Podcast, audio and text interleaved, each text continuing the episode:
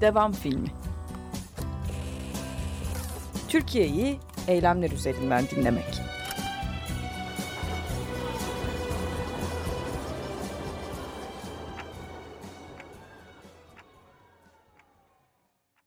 Evet, herkese merhabalar. Burada Medyapod Podcast ağını dinlemektesiniz. Ben Seçil Türkkan Teknik Masa'da Burak Kılıç var ve e, bir devam filmi parantez programında daha sizlerle birlikteyiz. Evet, burada Türkiye'yi eylemler üzerinden dinlemeyi sürdürüyoruz ama bir parantez açmıştık.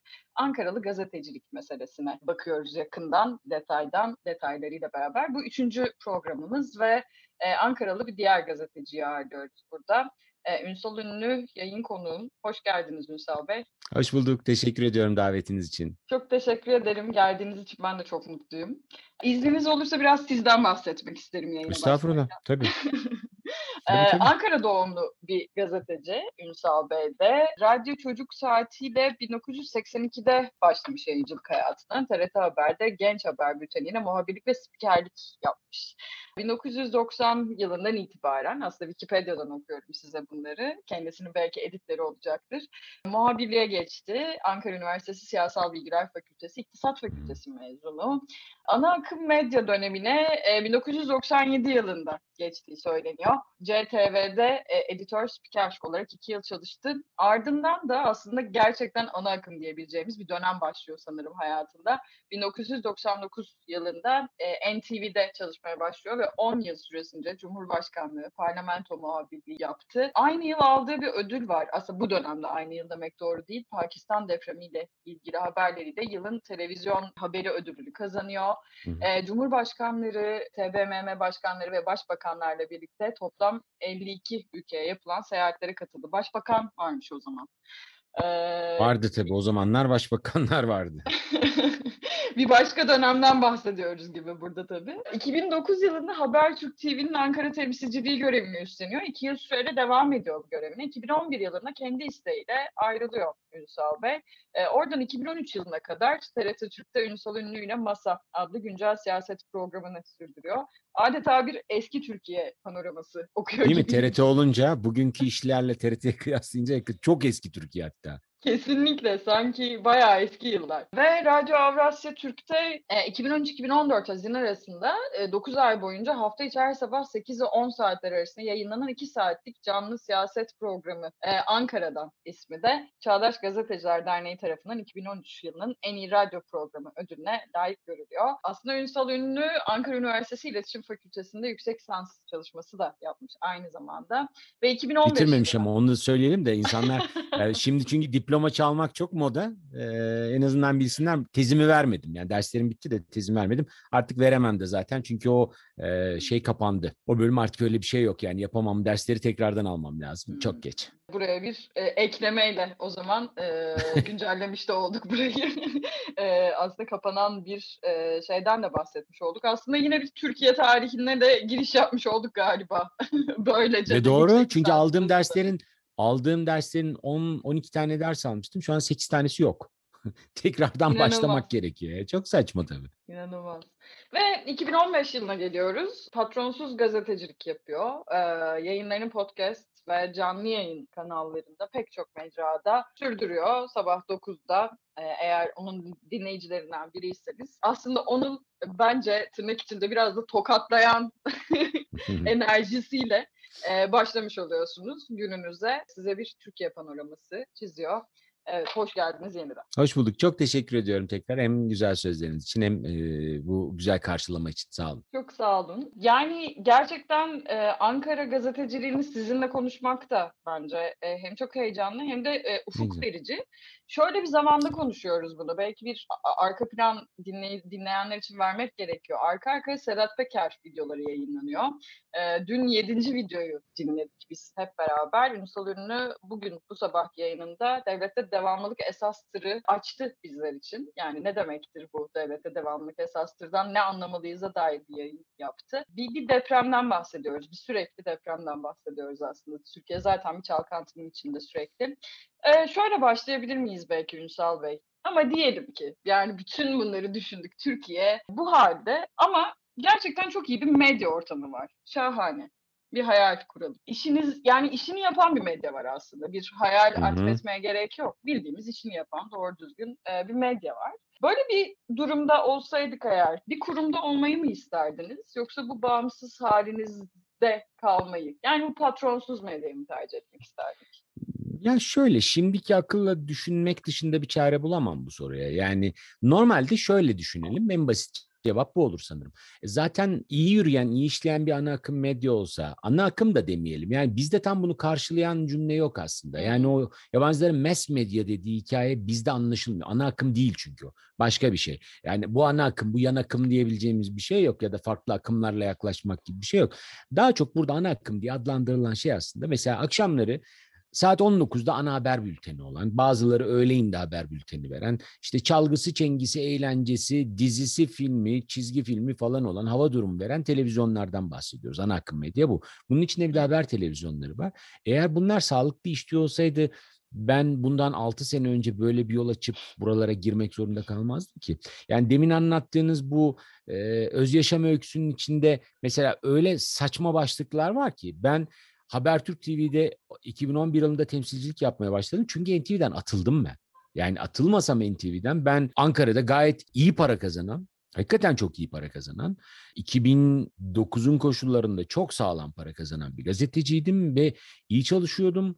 E artık bir yerim vardı. Muhabirlik içinde statüler vardır. Yani basın kartının aslında kullanımıyla alakalıdır. Bu Ankara'da daha belirgindir.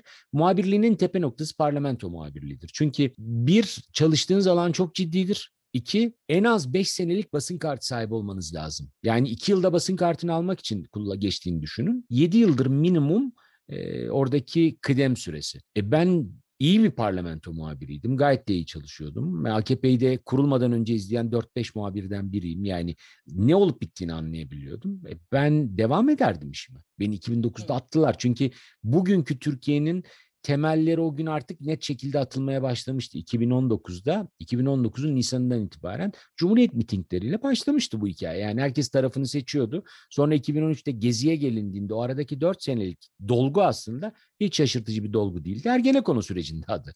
Yani 2009'da o işte İstanbul'da Arnavutköy'de, Arnavutköy'de değil mi? Bombaların bulunmasıyla bir evde başlayan hikaye. Aradan geçen 4 sene kumpas davaları falan filan bir 4 sene daha üzerine. İşte 2017'de artık e, eskiden televizyonda çalışırdı. İstiklal Marşı ve kapanış bitişti o. E, aşağı yukarı böyle bir süreç. Yani ez cümle söyleyeceğim şey şu. Eğer doğru düzgün bir medya sistemi olsaydı bunun içinde böyle bir soru aramak zorunda kalmazdık bence. Hani bunun için dışına çıkmanı gerektiren bir şey yoksa neden içeride işini yapabiliyorsan, iyi yapabiliyorsan üstelik o zaman gerek olmazdı bence. Aslında siz bambaşka da bir dönemden bahsediyorsunuz. Yani örneğin benim hiç görmediğim bir e, yerden bahsediyoruz. Yani benim çalıştığım medya kurumları e, aslında bir bakıma işte bağımsız ya da küçük ya da gerçekten Hmm. kendi özel okuyucu kitlesiyle buluşmuş. Ama bir yandan da bir habercinin istediği şey bir kitleye ulaşabilmektir. Yaptığı şeyin Tabii. ses getirdiğini görebilmektir. Yani habercilik aslında bir yandan da sizin bu saydığınız, bahsettiğiniz dönemde de keyiflidir. Ve işini yapmak ve belki de gazeteciliğin içinde kendini ifade etmek, kendini ortaya koymak gibi bir, bir taraf da vardır. Kendini Tabii tabii gerçekleştirmek. çok doğru bu. Yani ben o dönem yaptığım haberlerle çok övünüyorum. Yani e, ödül almak anlamında değil. Bir, bir sürü ödül aldım. Yani şurada arka tarafta bi- bin tane ödül var. Bu değil sorun. Yaptığın işten tatmin olmak anlıyorum söylediğinizi. Hakikaten Hı hı. Öyle bir ortamın içinde tatmin olabilme hissi var mı? Var. Ben NTV'de ayrılmadan önce yaptığım mesela en son haberlerden biri ki o da ödüllendirilmişti.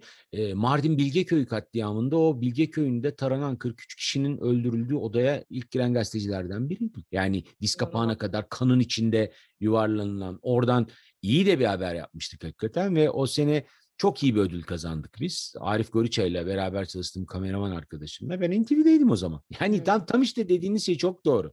Burada biraz şeye geliyor mevzu. Sanat sanat için midir, toplum için midir hikayesi. Ama sonuçta hepsi biri görmezse hikayedir. Yani sanatı kendiniz için yapıp evde tutuyorsanız onun bir manası yok. Bakıp çok beğenebilirsiniz. Gazetecilikte de bunun karşılığı çekmeceye manşettir. Öyle denir eskiden. Yani yaparsınız haberi kimse görmez. Çok şahane bir haberiniz vardır. Hiçbir işe yaramaz. E, o anlamıyla bakıldığında da ana akım medyada da çok iyi işler yapıldı. Yani böyle yaptım. Çok çok iyi işler var hakikaten. Şimdi hatırladığım zaman ne bileyim yani aklıma gelen bin tane şey var. Mesela e, 1 Mart tezkeresinin kabul edilmediğini bütün dünyaya ben duyurdum. Benim için çok çok büyük bir anlamı var bunun ve NTV'deydim ben. Üstelik en büyük rakibimiz CNN Türk e, tezkere geçti diye yayın yaparken söyledim ben bunu. Çok büyük bir risk aldım ama e, doğru çıktı. E, CNN International kendi firmasına CNN Türkiye dayanarak değil bana dayanarak düzeltti. Yani New York Times'tan Time, Time'a kadar herkes kullandı bu haberi.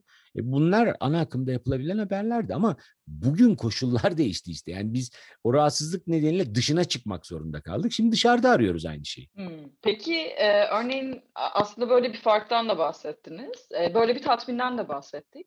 E, şimdi yaptığınız şeyi aynı düşünmek ya da aynı aynı cümlelerle düşünmek olanaksız elbette aynı şey değil ama Şimdi nasıl hissettiriyor yaptığınız şey? Bu biraz böyle sonlara doğru hazırladığım bir soruydu ama yeri geldi. Bence, Yo, bence sormak değil. iyi oldu. Bence de iyi oldu. Programcılık açısından da doğru bence. Çok iyi hissettiriyor.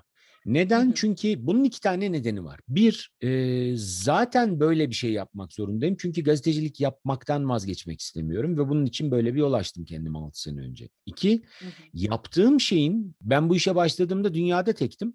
Gerçekten dünyada tektim. Yoktu örneği başka. Yani çünkü çok manyak bir iş bu yaptığım. Ee, yani bir parmak uzunluğunda bir kameraya bakıyorum ben şu anda. Ee, işte mikrofonum var. Ama burası 12 metrekarelik bir oda Happy Topu. Yani burada her gün demin yayına girmeden önce baktım. Açık kaynaklardan kullandığınız bir yayınınız var. Yani ben yayınla ilgili ne yapıyorsam insanlar görüyor. Kendinizi saklayamıyorsunuz da. Ama ben yayına girmeden önce sadece iki mecrada izlenmesi yayının 90 bini bulmuştu. Şimdi bu kadarcık bir kameraya bakarak şu odanın içinde 90 bin kişiye ulaşmak hakikaten insanın böyle manik depresif halini tetikler mi? Tetikler. Doğru. Ama bunun karşılığını görmek işte. Karşılık dediğiniz nedir? Bir kere ben bambaşka bir yayıncılık tarzı hedefledim. Biliyordum çünkü yayıncılığın nasıl olduğunu biliyordum ama kendim için de bir mücadele alanıydı aynı zamanda bu. Şu anda bunun getirisini görüyorum. Evet benim bir izleyicim var ve benim izleyicim çok sorgulayan bir izleyici. Başka programlara gittikleri zaman da başka programları izledikleri zaman da müthiş hırpalıyorlar. Öyle böyle değil yani. Soru soruyor bir kere. Çünkü ben öyle yapmak istedim yayını. Yani ne yapıyorsam siz de görün ve sorun bana. Yanlış yaptığımı düşündüğünüz bir şey varsa düzeltin ama bunların hepsi interaktif olsun. O interaktivite lafına da işte hani Türkçe'ye çevrilemeyecek laflardan bir tanesi işte bu da interaktivite. Çünkü karşılıklılık var içinde, eş zamanlı karşılıklılık var içinde ama tam olarak Türkçe karşılayan bir kavram yok. İşte o interaktivite var ya benim işimin temel noktası. Çünkü ben yayın sırasında anlattığım bir şey 4 saniye içinde mesela Papua Yeni Gine'den düzeltilebiliyor. Bir oturuyor yazıyor öyle değil o diyor. Yani bir şey söylüyorsun mesela. Bugün daha bu sabah yani yayıncılıkta çok yapılmaz ama demin siz de söylediğiniz için bu bir geri plan anma da olsun diye. Biz bugün ayın 24'ünde 24 Mayıs'ta kaydediyoruz podcast'i. Evet. E, bu sabah yaptığım yayının içinde mesela ben yayında çok fazla 50 senelik bir Türkiye panoraması anlatmak istedim insanlara. İstedim ki Sedat Peker'in anlattığı şu son 10 seneye boğulmasın insanlar. Çünkü o zaman çok basite indirgeyecekler. Bu işin mantığını biraz kurgulamaya çalıştım. Onun için de filmden bir filmden örnek verdim. Çok ünlü bir film. Şener Şen'in odaya Ayşen Gurda girdiğinde dedim mesela e, yayına girmeden buraya gelmeden önce baktım 69 tane mail gelmiş. Sadece mail. Ayşen Gurda değil Perran Kutmano diye. Şimdi bu neyi gösteriyor biliyor musunuz? Bu düzeltme isteği değil. Ben de buradayım. Yani ben bu yayını düzeltmekle de mükellefim. Burası hani çok popüler bir laf. Sevmiyorum. Çok da dandik bir laf ama çok iyi açıklıyor. Ee, benim yayınlarım yan gelip yatma yeri değil. Gerçekten değil. benim için de değil. Bir, herkes dahil oluyor yayına. Bu benim çok hoşuma gidiyor. Dünyanın birçok yerinde farklı meslek dallarından insanlar ve beni çok besliyorlar. Müthiş besliyorlar e, acayip şeyler söylüyorlar. Aklıma hayalime gelmiyor. Mesela bugün yayında kullandığım bilgilerin pek çoğunu ilk kez duydu izleyiciler. E, ben de dün gece ilk kez duydum. Yayının izleyicilerinden biri teyitli bilgilerle mesela benimle paylaştı. Bu çok güzel bir şey ya. O yüzden mutluyum. Yani sorunun başına dönecek olursam acayip bir tatmin duygusu bu. Gerçekten çok hmm. acayip bir tatmin duygusu. Yayının nereye ulaştığını biliyorum. Bir de bu normalde televizyon yayını yaptığınız zaman biraz karanlığa kurşun sıkmak gibidir o. Yani size bir takım ölçüm şirketleri veri getirir. İşte der ki mesela sizi izleyenlerin yüzde yirmi biri çok böyle şık e, kızlar, çok yakışıklı erkeklerdir genelde bu işleri yapanlar. iyi pazarlamacıdır. Belki işte sizi izleyenlerin yüzde yirmi bir nokta dördü A plus seviyesinde izleyici, borsada yatırım falan. Bunlar hikayedir. Böyle bir şey yoktur yani. Ta, tanıma şansınız yoktur. Örneklemi çok kısa tut, küçük tutarsınız. Yani 100 kişiye sorarsanız 100 kişiden çok şahane çıkar bu sonuçta. Ama hikayedir. Benim işimde öyle değil işte. Benim işimde kimin ne olduğunu görebiliyorsunuz. Çünkü yayına ilk günden itibaren insanlardan istediğim bir şey var. Ben anonim katılımcıya karşıyım. Çok net bunu ilk gün söyledim zaten. Çünkü Türkiye'nin demokratik anlamda da en büyük sorununun bu olduğunu düşünüyorum. Herkesin cebine konuşması. Ee, Abdülhamit Tarhan söyler. Ben çok sık kullanırım bu lafı. Çok iyi anlatır çünkü Türkiye'yi. Bizim insanımız söylemez, söylenir der Abdülhamit Tarhan. Söylenmeyin, adınızla çıkın ki adınızla bu şikayetin kimden geldiğini herkes bilsin. Ona göre de senin yöneten de ayağını denk alsın. O nedenle de anonim katılıp biri bir şey söylediği zaman ben çok ciddi almam genelde. E, adıyla sanıyla anlatıyorsa bu benim için teyitli bilgi de haline de gelebilir. E, hal böyle olunca da benim ne yaptığımı insanlar da görebiliyor. İşte bu tatmini asıl yaratan bölüm burası. Şahaneymiş. Bence bu arada bir, e, yani bütün bunları anlatırken siz şunu da düşündüm ben. 90 bin kişiden bahsediyorsunuz. Ama karşılığında bir yandan da 6 sene var. Hiç az bir zamandan bahsetmiyoruz ve gerçekten her gün çok ciddi bir tempoyla devam eden bir yayından bahsediyoruz. İlk yayın Bir de- 37 kişi. Mesela bu farkı ortaya koymak bence çok iyiymiş. Teşekkürler bu Evet. bilgi için. Gerçekten 6 seneyi koymak ortaya bence inanılmaz bir emek. Ee, ve bildiğimiz kadarıyla tek başınıza hazırlanıyorsunuz Hı. bu yayınlara. Ee, Genel müdür ve abi- ofis boy olarak. Genel müdür ve ofis boy olarak çalışıyorum. Bence şahane. Ee, bu, bu arada bütün bu anlattıklarınızdan biraz da şunu düşünüyor e, oldum ben. Bir tür Ankara gazeteciliğini değiştiren bir yapıya da e, Doğru. işaret ediyoruz galiba. Çünkü Ankara gazeteciliği bir yandan yani biraz konuşmuş da olduk aslında, değmiş ve temas etmiş olduk ama e, bir yandan da tabii bilgiyi veren ve bütün yayıncılık dünyası için de eski gazeteciliği konuştuğumuzda da bilgiyi Hı hı. veren ve çok da temas kurmayan ve tam da nereye ulaştığını bilmediğimiz bir dünya. E, ama burada hem dinleyiciyi, izleyiciyi şekillendiren, e, oraya müdahale eden e, hem de bana kalırsa Ankara gazeteciliğinde açılan bir tür gedik gibi geliyor.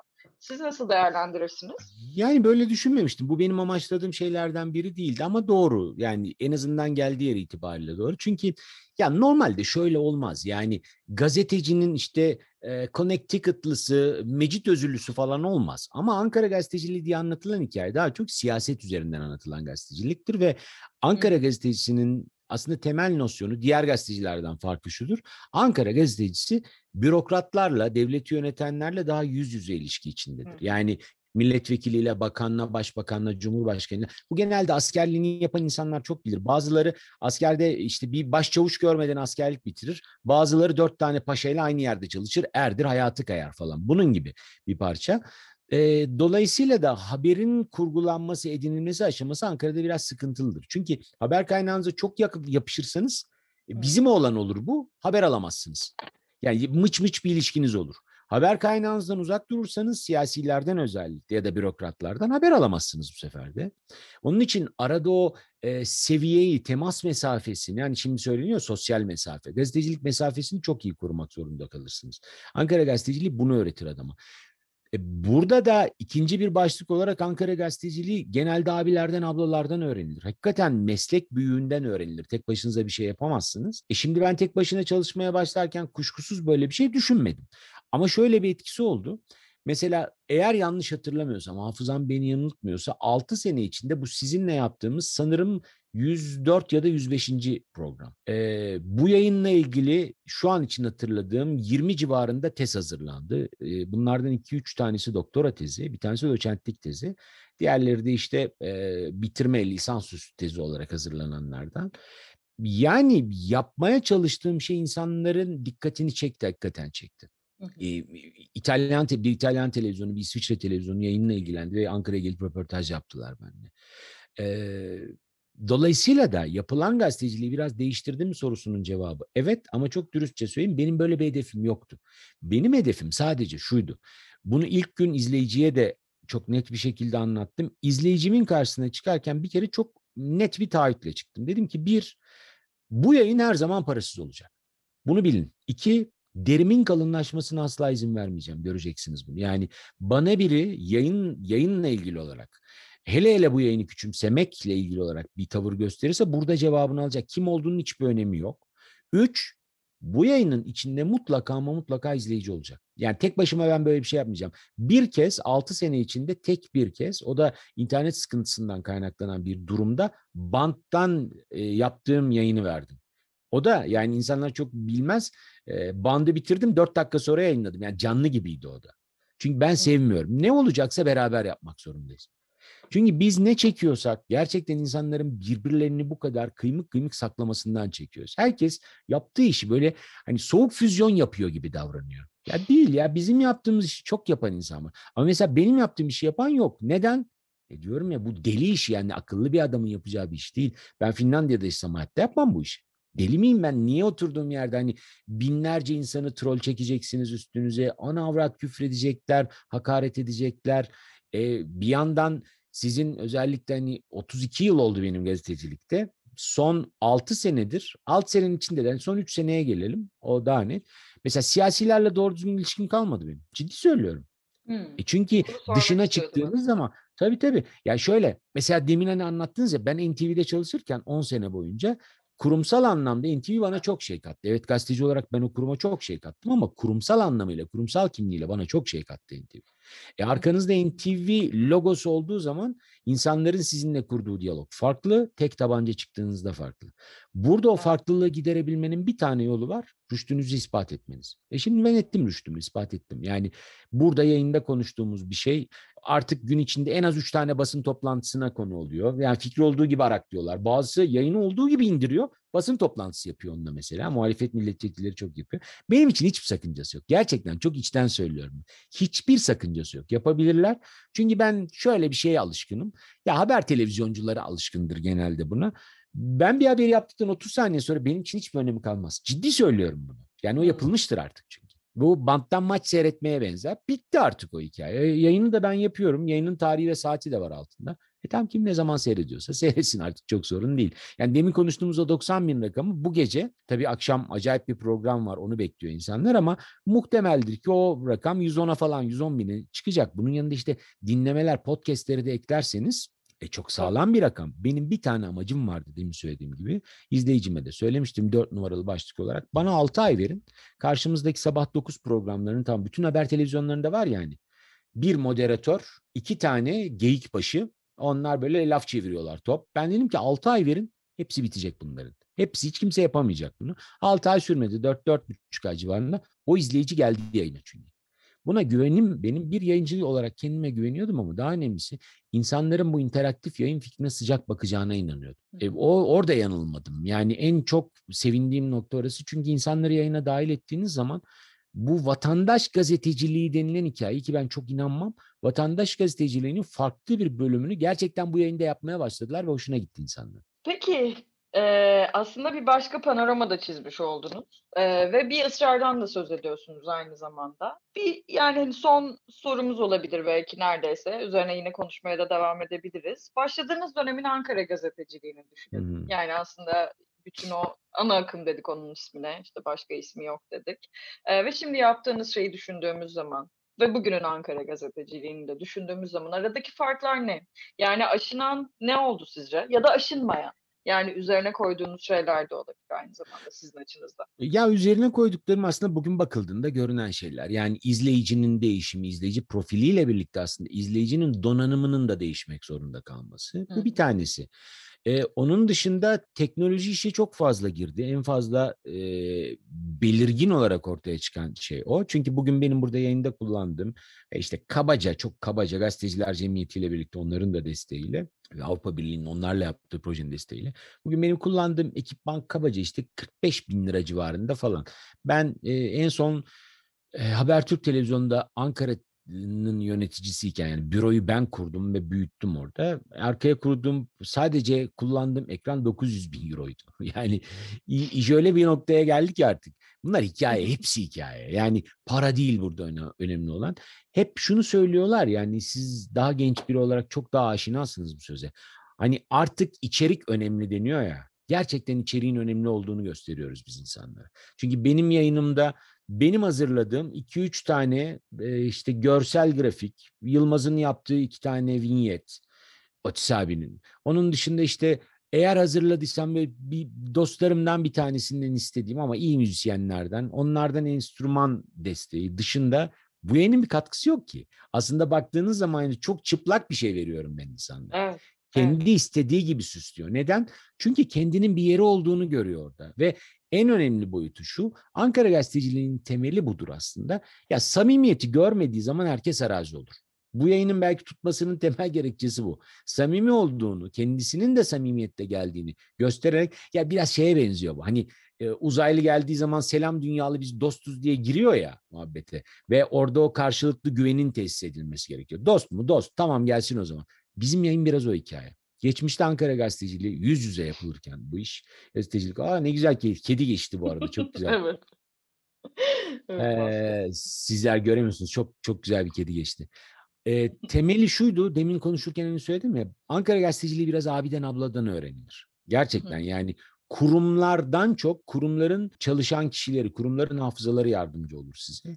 İşte Ankara'da mesela Hürriyet Bürosu'nun içinde öyle bir santral memurisi vardı ki yıllarca ne olup bittiğini herkesten iyi bilen biriydi o. Cumhuriyet Gazetesi'nin arşivcisi öyle işte. Kanal D'nin montajcısı öyleydi.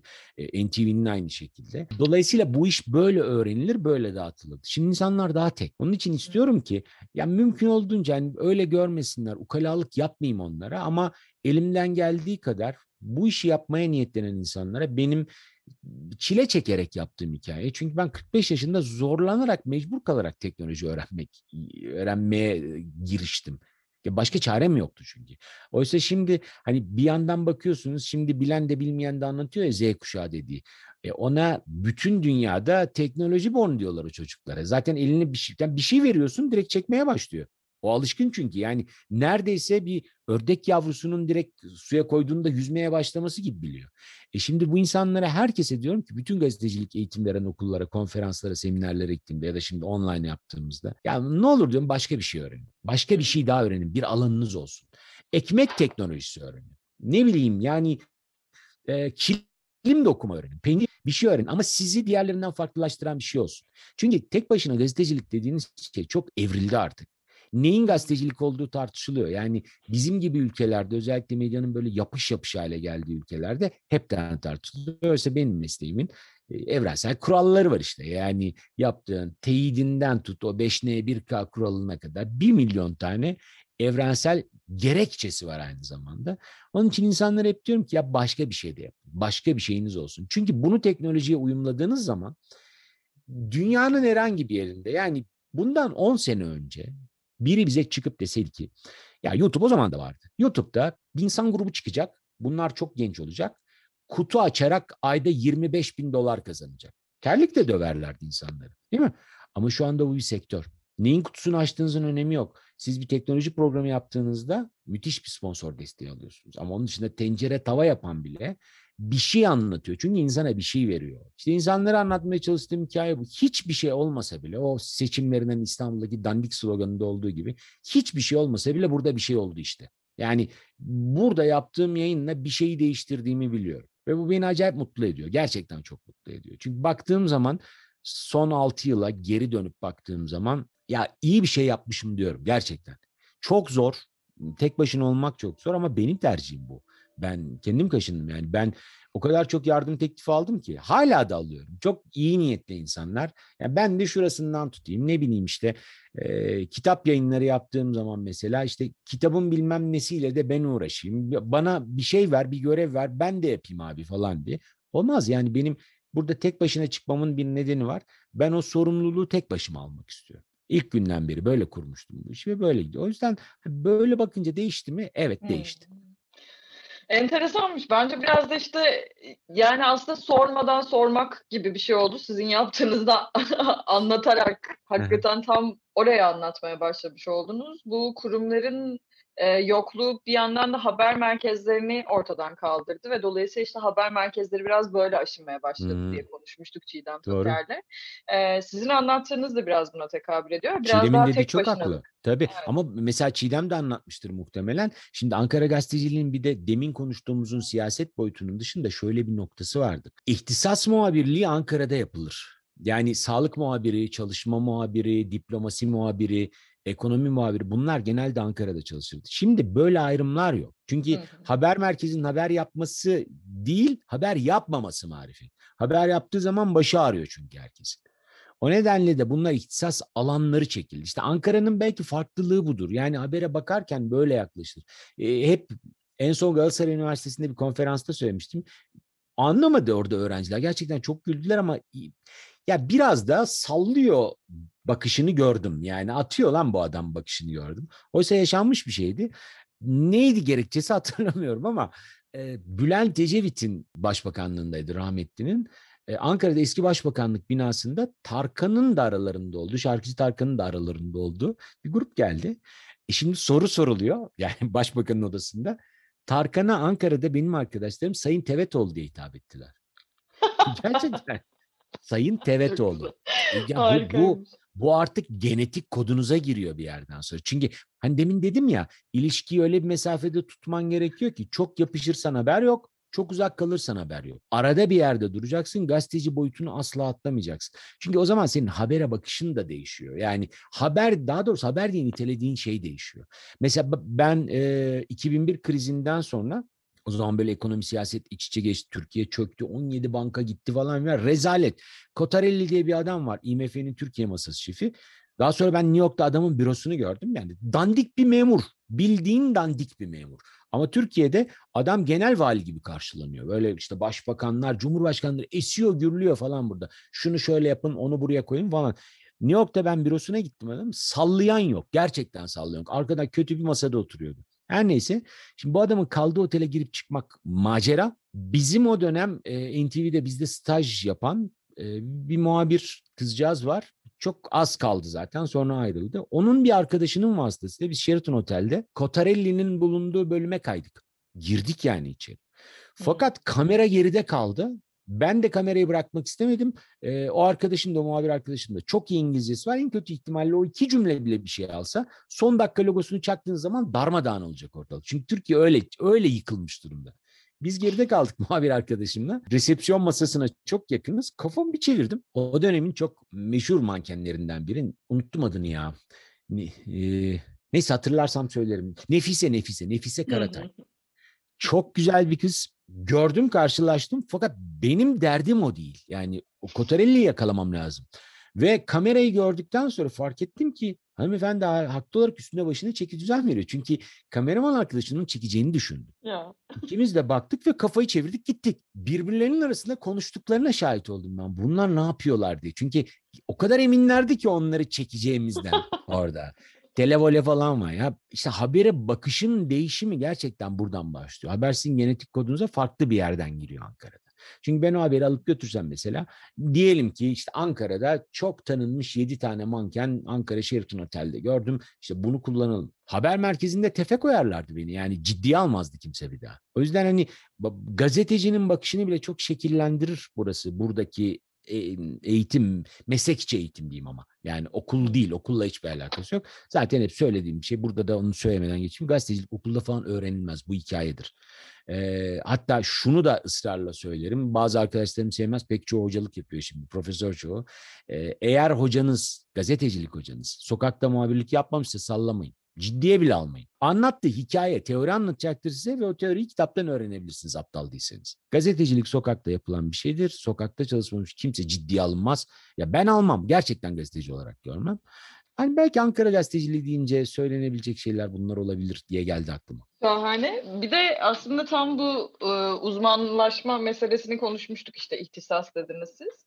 Onun da aşındığından bahsettik. Aslında bu da biraz gazetecinin hmm. dönüş, gazeteciliğin dönüştüğü yer. Sizle de temas Doğru. etmiş olduk. Bunu da Gülsen'le konuşmuştuk. Ee, Doğru haklı çok üç, iyi bir diplomasi üç... muhabiridir çünkü Gülsen. Çok iyidir ve evet. onların alanları sert bir alandır. Yani e, biz beraber 17 Aralık zirvesini izlemiştik. Sanırım Gülsen de vardı Brüksel'de. Çok böyle sağlam bir kadroyla. E, ben mesela rahmetli Mehmet Ali Birant'la dip dibe muhabirlik yapmıştım. Çünkü o adam öyle çalışıyordu. Yani o ben genel yayın yönetmeniyim işte kölelerim yollarım çalışır falan diye bakmıyordu. Ben muhabirim gazeteci muhabirdir çünkü muhabirlik yapamıyorsa ölmüştür çoktan. Yani saygıdan gömülmemiş olabilir ama ölmüştür. Çok olmuştur öyle hatta. Çok iyi. Ee, gazeteci muhabirdir meselesi yine yeri gelmişken altını çizmek isterim. Ee, yani Ankara gazeteciliğinin temelinde de iyi muhabir olmak vardır. Ee, dedi Çiğdem Toker.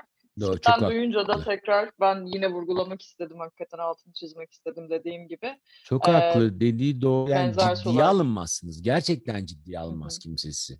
Yani Ankara'da şöyle bir şey yoktur. Hani Normalde İstanbul'da işte siz de biliyorsunuz çalıştınız. En büyüğünden en küçüğüne kadar medya organlarının tamamında Kızılderili bulmak çok zordur. Şeftir genelde insanlar.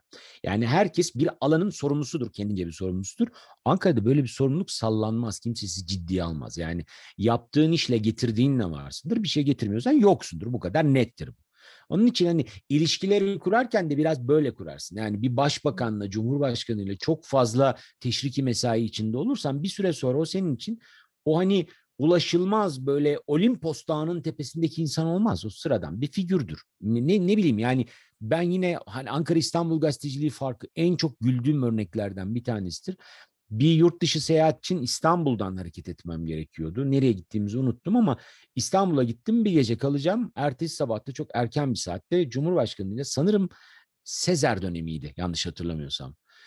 Cumhurbaşkanı ile beraber İstanbul'dan hareket edeceğiz. Daha doğrusu o gidecek ben de gideceğim. Akşamüstü NTV'nin bürosuna uğradım. Maslak'taydı o zamanki yeri.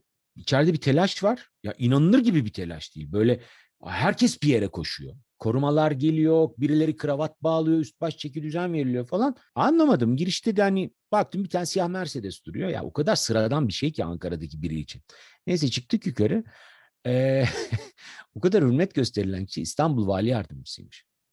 Yani o zaman Cem Aydın'dı. Cem'di e, bizim genel yayın yönetmenimiz. Mesela onunla çok gülmüştük. Cem'e de söylemiştim. Ya vali yardımcısı dediğin Ankara'da 46 tane var. Ve yani adını sen ne bilemezsin. Hangisi var, emniyet müdürü var, bakanlar var, 23 tane şimdi, başbakanı var, kuvvet komutanları var, meclis grup başkan vekilleri. Ben sana bir çırpıda 70 tane makam aracı sayarım. Ve onların çoğunu hayatı boyunca görmemişti insanlar. İşte bu şeyi gösteriyor. Onun için anlattım bunu. E, gazeteciliğe bakıştaki fark var ya, bu bölümünü atladığınız zaman öbür bölüm daha rahat geçiyorsunuz. Çünkü başlangıçta bunu kafada biraz büyütebiliyor insanlar. Ya işte başbakan göreceğim, ona soru soracağım. Bakan gelecek kardeşim falan diye. Ee, yani gelebilir bakan dediğin bir insan karnı acıktığında yemek yiyen, ne bileyim işte merdiven olduğunda mecburen çıkan, acıkan, çişi gelen falan bir insandan bahsediyorsun. Bu bölümü hızlı atlarsan eğer, hızlık anlamında söylemiyorum. O, o, o yapılmamalı. Çünkü Ankara'da ekstra işte Tevetoğlu denen saygı da kırılmaz bir yanıyla. Onu istesen de kıramazsın. Ee, ama bu dengeyi tutturursan işte Ankara Gazeteciliği gerçekten farklı bir şey çıkartır mı? Evet. iş anlamında çıkartır. Şahaneymiş. Ee, aslında işte bu bunun işe dönüştüğü yerden bahsediyoruz. Bu bakanla karşılaşmanın bir yandan da bu senin işindir mesafesini korumak. Ee, aslında Tabii. üç anı anlattınız ama ben yine de e, ısrarla ve merakla sormak isterim. Son bir Ankara gazeteciliği anınız var mı bizle paylaşmak isteyeceğiniz? Belki biraz da bu konuştuklarımızı özetleyebilecek. Aklınızda varsa eğer. Yani işte bunların hepsi aslında bundan bakıldığında anı gibi görünüyor. O gün çok farklı şeyler, farklı durumlar olarak geliyor. Bugün uzaktan bakılınca güzel o Charlie Chaplin'in söylediği böyle dar pencereden e, zoom yaptığınızda bakınca e, bayağı ciddi bir dram ama zoom out yapıp dışına çıktığınız zaman ciddi şekilde komedi izliyorsunuz aslında. Ne zamanda hatırlamıyorum, tam zamanını hatırlayamıyorum ama bu e, tezkere görüşmeleri zamanında diye hatırlıyorum. Tabii ya o dönemde olması lazım sürekli olarak Amerika'da o zaman Dışişleri Bakanı Colin Powell eski Genelkurmay Başkanı. Bizde de Dışişleri Bakanlığı'nı Abdullah Gül yapıyor. Başbakanlığı Tayyip Erdoğan yapıyor. Tezkere pazarlığı var. Büyük bir tezkere pazarlığı var hem de. Bizimkiler işte Amerikan askerinin Türkiye'de konuşlanıp oradan Irak'a geçmesi için büyük bir para istiyor falan filan. Neyse büyük hikaye bunlar. Ee, bu dönem siyaset çok gerilir. Gerçekten çok gerilir. İktidarı ve muhalefetiyle çok fazla gerilir. Ama Ankara'da işte siyaset kendi içinden komedisini çıkartır. Bunu çok yerde göremezsiniz. Ankara'da Selim Sırıtarcan Spor Salonu'nda Ankara İl Kongresi var Adalet ve Kalkınma Partisi'nin. Ve o kongrenin içinde de Colin Powell'la Tayyip Erdoğan o İngilizce bilmediği için yanında Abdullah Gül de girecek, çevirmen de olacak. Bir konuşma yapacak. Kırmızı hat çekildi. Kırmızı hat hani herkes zanneder ki böyle telefonlar karşılıklı kırmızı olduğu için değil. Doğrudan bağlıdır o. Yani hakikaten bir hat o oraya çekildi. E, spor salonunun bir kenarında Abdullah Gül, Tayyip Erdoğan işte partinin ileri gelenleri falan filan oturuyorlar tribünde ayrılan yerde. Biz de gazeteci önlerindeyiz. Benim sırtım dönük. Ama çok yakınız yani dip dibe. Diyorum yani kuruluşundan beri hatta kuruluştan öncesinden beri birlikte olduğum için arada bir e, şey de oluyor. E, insani bir diyalog da oluyor. Bir ara şöyle bir şey duydum. Bak bak dedi Abdullah Gül. Çünkü aşağı indiler çıktılar. Yüzler asık ikisinin de işte pazarlığın patladığı dönem. Tamam yüzler asık. Abdullah Gül bak bak dedi kafamı çevirdim ben de öyle olunca. Erdoğan'a bir şey veriyor. Eliyle karşıyı işaret etti. Tam parmağıyla göstererek bak bak dedi. Erdoğan öyle mutlu oldu ki oraya bakınca. Böyle yüzü güldü, gevşedi, omuzları indi falan filan. Ee, karşıya biri pankart yaptırmış. Altındağ senin yürüyüşüne hasta yazıyor üzerinde. Bayağı taksi durağı yazısı gibi yani. Altındağ senin yürüyüşüne hasta yazmışlar. ya şimdi bu o kadar saçma bir şey ki aslında. Türkiye bu kadar gerilmiş, keskin dünya. İspanya'dan benim yanımda bir gazeteci arkadaşım vardı mesela. Röportaj yapmaya çalışıyor. Onu gezdiriyordum. Herkes buraya Türkiye'ye muhabir yığmış. İşte Türkler ne zaman açacaklar? Amerika kaç askerle gelecek? Karşılığında ne verecek? Bunlar konuşuluyor. Onun yürüyüşünü astı. Tek pankartla. Bir anda herkesin siniri boşaldı. Ben de görünce kameraman arkadaşıma işaret ettim. Çektik onu. Çünkü hani o da özel haber aynı zamanda. İkisinin görüntülerini eşleyerek. Ah çok Ya güzelmiş. şimdi bakın şimdi bakınca komik ama işte yaşarken bunların hepsi aslında haberin bir unsuru. Gerçekten öyle. Böyle. Çok teşekkür ederim Ünsal Bey ayırdığınız vakit için. Biraz zamanımızı da geçtik. Size söz verdiğim zamanı geçmiş oldum. Çok çok çok sağ olun. Olsun. Umarım işe çok- yarar bir şey olmuştur. benim için çok büyük keyifti ve e, yani de. Ankara gazeteciliğini biraz bu tarafından konuşuyor olmak e, umut da verdi. Ne yalan söyleyeyim. E, iyi hissettirdi açıkçası. Evet bitireceğiz programımızı böylece veda edeceğiz. Patreon üzerinden Ünsal Ünlü yayınlarına destek olmak mümkün. Her gün onun da söylediği gibi dünyanın neresinde olursanız olun farklı farklı fikirler için bir araya gelmek aslında eee, çok temelde onun yayınının teması. Eee Ünsal Ünlü ile beraberdik burada. Ankara gazeteciliği meselesini masaya yatırmaya çalışıyoruz. Eee, enteresan bir anıyla kapattık. Altındağ senin yürüyüşüne hasta. Eee, aklımızda kalsın. Eee, aslında bu kaynak eee, kaynaklara olan mesafe yani bir Ankaralı gazetecinin kaynaklara olan mesafesi ve sahada olmak meselesinin etrafında epeyce konuşmuş olduk ve kurumsal ve patronsuz gazetecilik meselesini de masaya yatırdık. Tekrar teşekkürler. Ben teşekkür ediyorum. Dinleyenlere de çok teşekkür ediyorum. Davet için ayrıca teşekkür ederim. Çok sağ olun. Evet, e, önümüzdeki günlerde tekrar burada olacağız. Ben Seçil Türkkan e, yapımcınız ve Burak Kılıç var teknik masada. Bizimle beraber olduğunuz için sağ olun siz de. E, Ünsal Ünlü'den aldığım heyecanla ve ilhamla sağ olun, var olun diye devam etmek hatta. E, çok sağ olun. Yeniden burada olacağız. Bu seri burada bitmedi diyelim. Şimdilik hoşçakalın. Bu bir podcast dahadır. Mediapod. İletişim için mediapod.com ya da @mediapod.